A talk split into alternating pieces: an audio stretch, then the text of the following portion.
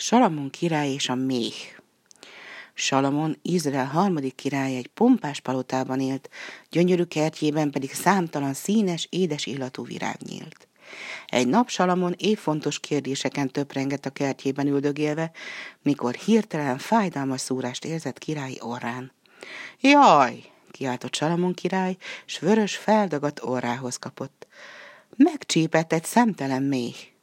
Úgy tartják, a király beszélt az állatok nyelvén, megszólította hát a méhet, de egy közeli virág kehében rejtőzött el.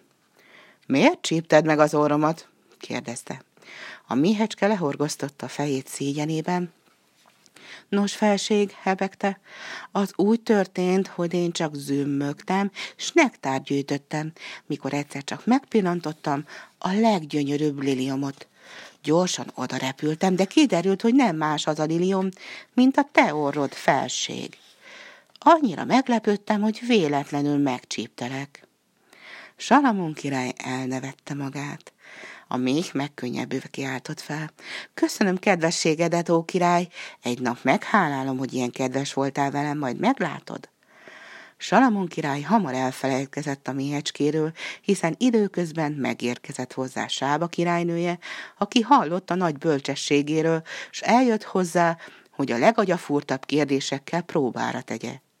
Mivel a király minden találós kérdésére megfelelt, Sába királynője igyekezett őt egyre nehezebb próbatételek elé állítani.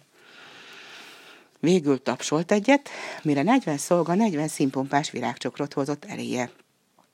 No felség, mosolygott a királynő. Az előtted látható virágcsokrok közül csak egyetlen egy igazi. A többi 39 hamis. Vess rájuk egy pillantást, és mondd meg nekünk, melyik az igazi közülük.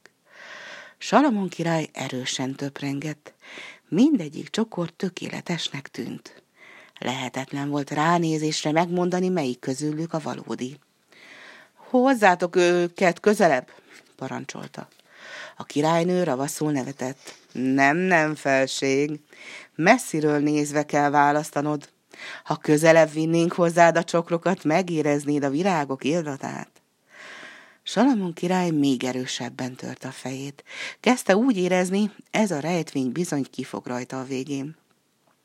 Egyszeriben halk zűmögés ütötte meg a fülét. Felnézett, s meglátta a kis méhet, amelyik a kertben az orrát megcsípte. Senki sem vette észre, hogy a kis méh oda repült a valódi virágcsokor fölé. Salamon király akkor meghajolt Sába királynője előtt, és rámutatott a valódi virágokból kötött csokorra. Majd halkan, a méhet nyelvén így szólt kis segítőjéhez. Köszönöm, barátom. A méhecske pedig boldogan repült haza a méhkasba.